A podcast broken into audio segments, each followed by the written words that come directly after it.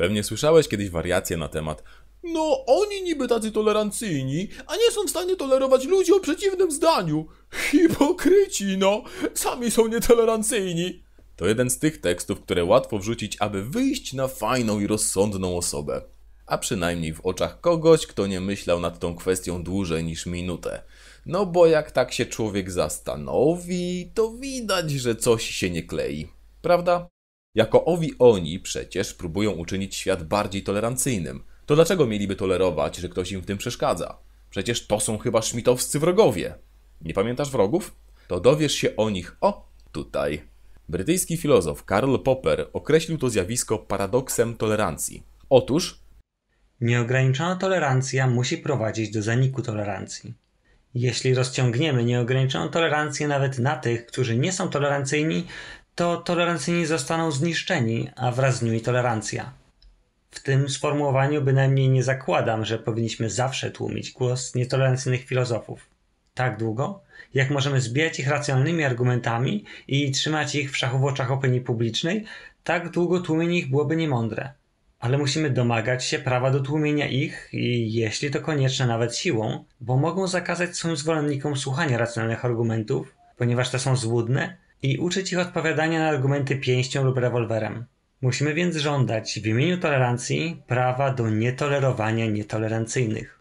Musimy żądać, by każdy ruch głoszący nietolerancję był stawiany poza prawem i musimy uważać podżeganie do nietolerancji prześladowań za zbrodnie, tak samo jak uważamy za zbrodnie morderstwo.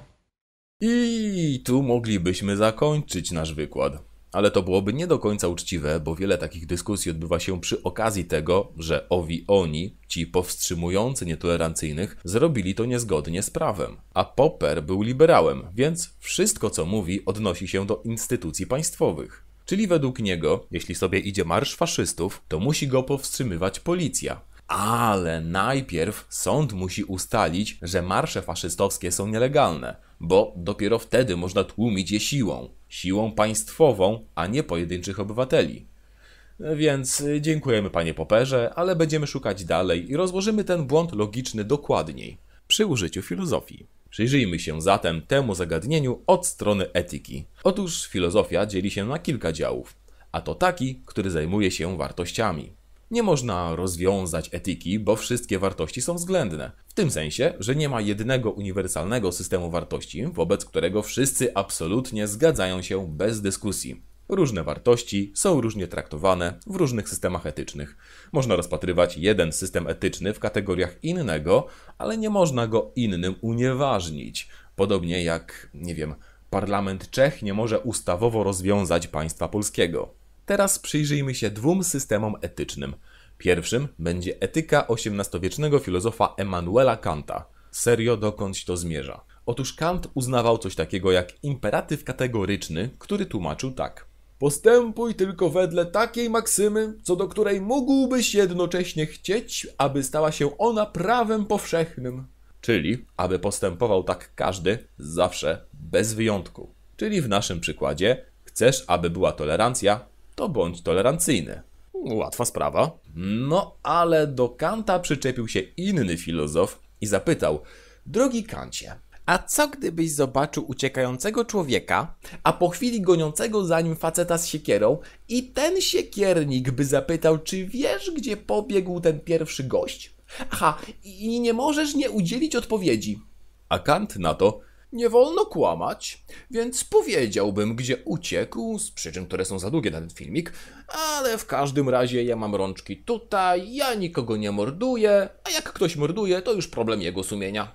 Nie, to, to nie było powiedziane tym akcentem, ale tak. Kant centralnie tak powiedział. Ten ciut przejaskrawiony przykład dobrze ilustruje etykę kantowską, która mieści się w nurcie zwanym deontologią, od greckiego deon, czyli tego, co się powinno robić. Generalnie, no okej, okay, panie Kancie, szacun za wierność swoim ideałom, ale ogólnie to tak trochę, no. No, nie żyjemy w takim świecie, no. Wszyscy nie będą zachowywać się według prawa powszechnego. Innym nurtem etycznym jest konsekwencjalizm, który jest bardziej intuicyjnie zrozumiały. Dane działanie lub brak działania jest dobre wtedy, kiedy zakładamy, że przyniesie więcej dobra niż inne możliwe działania. No, tu chyba nie muszę się wiele rozwodzić, bo ten typ etyki jest dla nas zrozumiały. Czyli deontologia maksymalizuje dobro przez to, że każdy zachowuje się zgodnie z normą, natomiast konsekwencjalizm, że każdy dąży do dobrych rezultatów. I to właśnie o pokręcenie tych dwóch etyk chodzi w tym argumencie. Jedziemy z przykładem, któremu przygląda się niejaki Zenek Złośliwiec. Załóżmy, że jesteś totalnym przeciwnikiem zabijania i pewnego dnia widzisz, że na dachu budynku nad tłumem czai się gość z karabinem maszynowym wymierzonym w ten tłum. I wiesz, że zaraz zacznie strzelać i że zginie wielu ludzi. Na szczęście jesteś na przeciwległym dachu i masz ze sobą swój wierny, pacyfistyczny karabin snajperski. Masz teraz wybór. Czy A. Zezwolisz, aby zabił kilkadziesiąt osób, to spowoduje kilkadziesiąt morderstw, czy B. Zastrzelisz niedoszłego zabójcę, powodując jedno morderstwo. Tak, to jest prawie dylemat wagonika, ale z elementem ludzkim. No to teraz już wiemy, że jest to pytanie, czy jesteś A. Deontologiem, czy B. Konsekwencjonalistą. Czyli A. Nie chcesz zabijać samemu, czy B. Chcesz, aby na świecie było jak najmniej morderstwa. Ale skoro z początku mówiliśmy o tolerancji w społeczeństwie, możemy spokojnie założyć, że chodzi o B. Twoim celem nie jest wyzwalanie swojej nieśmiertelnej duszy z więzów etycznej niedoskonałości, tylko zmiana tego świata. Dążysz do minimalizacji nietolerancji na świecie. Czy to cię czyni hipokrytą?